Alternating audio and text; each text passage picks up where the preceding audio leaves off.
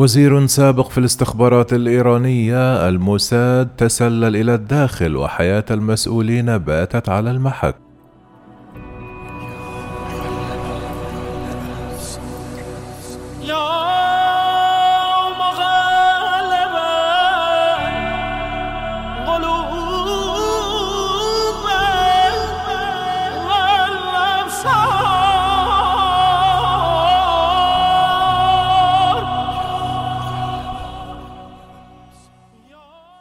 حياة المسؤولين باتت على المحك بعد وصول الموساد لقطاعات مختلفة في البلاد.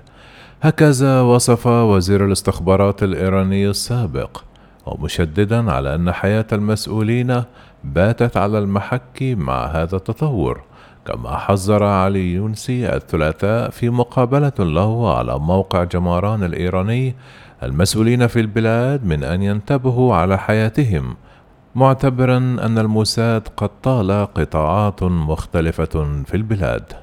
كما رأى أن مواجهة النفوذ الإسرائيلي يتطلب في البداية إغلاق المتملقين والمتطرفين الذين جرى إنشائها في مختلف المؤسسات الحكومية كما لفت وزير الاستخبارات في عهدي الرئيس الإصلاحي محمد خاتمي والرئيس السابق محمود أحمد نجاد إلى أن نفوذ المخابرات الأجنبية والإسرائيلية تحديدا جاء بعد إضعاف جهاز الاستخبارات الإيراني الحكومي إثر تشكيل أجهزة استخباراتية موازية له في إشارة إلى تشكيل جهاز الاستخبارات التابع للحرس الثوري.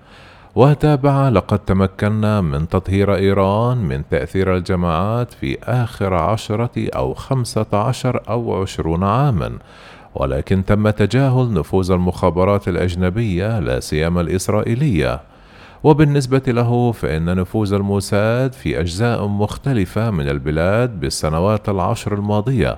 يجب أن يجعل جميع المسؤولين في الجمهورية الإسلامية بأن يشعروا بالقلق على حياتهم.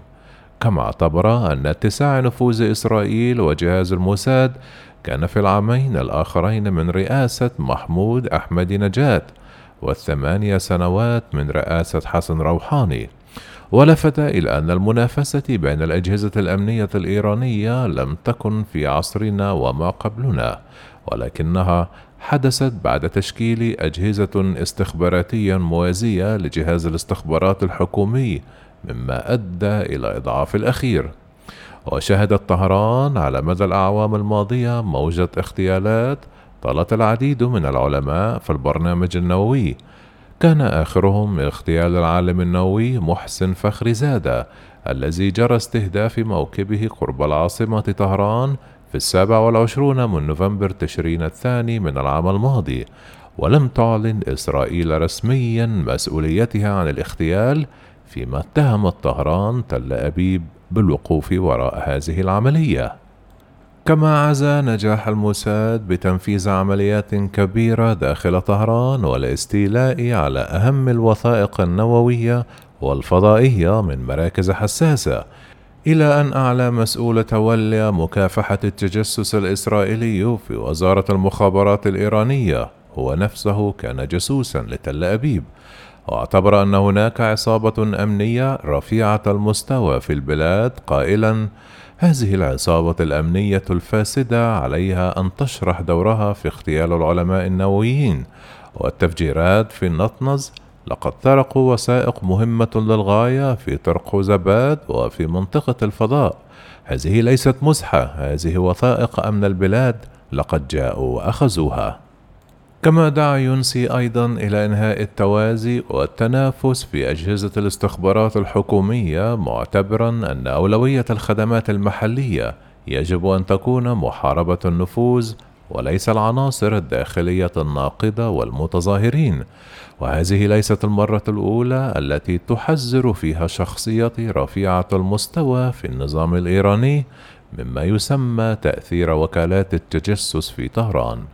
فيما أتت تصريحات الرئيس السابق بعد أن كشف رئيس الاستخبارات الإسرائيلي الموساد يوسي كوهين في مقابلة تلفزيونية مطولة أوائل الشهر الجاري تفاصيل عن سرقة الأرشيف النووي من طهران.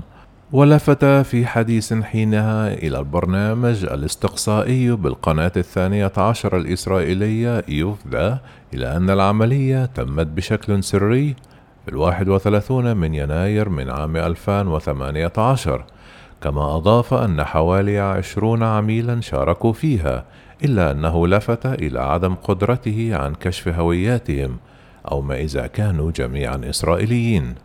إلى ذلك أوضح أن الأرشيف وصل إلى تل أبيب رقميا فور اقتحام المبنى المعني في طهران وحتى قبل مغادرة العملاء لمقر العملية في إيران نفسها. يشار إلى أن العلاقة بين إسرائيل وإيران لطالما اتخذت شكل الحرب الباردة وخلال الأشهر الماضية استهدفت عدة ضربات سفنا إسرائيلية وإيرانية على السواء مؤخرا فيما تبادل الطرفان الاتهامات. وبالتزامن مع تلك الضربات وقع هجوم على منشأة نطنز قبل أشهر ووجهت طهران أسابع الاتهام إلى تل أبيب. فيما نفذت إسرائيل عددا هائلا من الضربات الجوية التي استهدفت مواقع إيرانية في سوريا فضلا عن فصائل وميليشيات تابعة لها.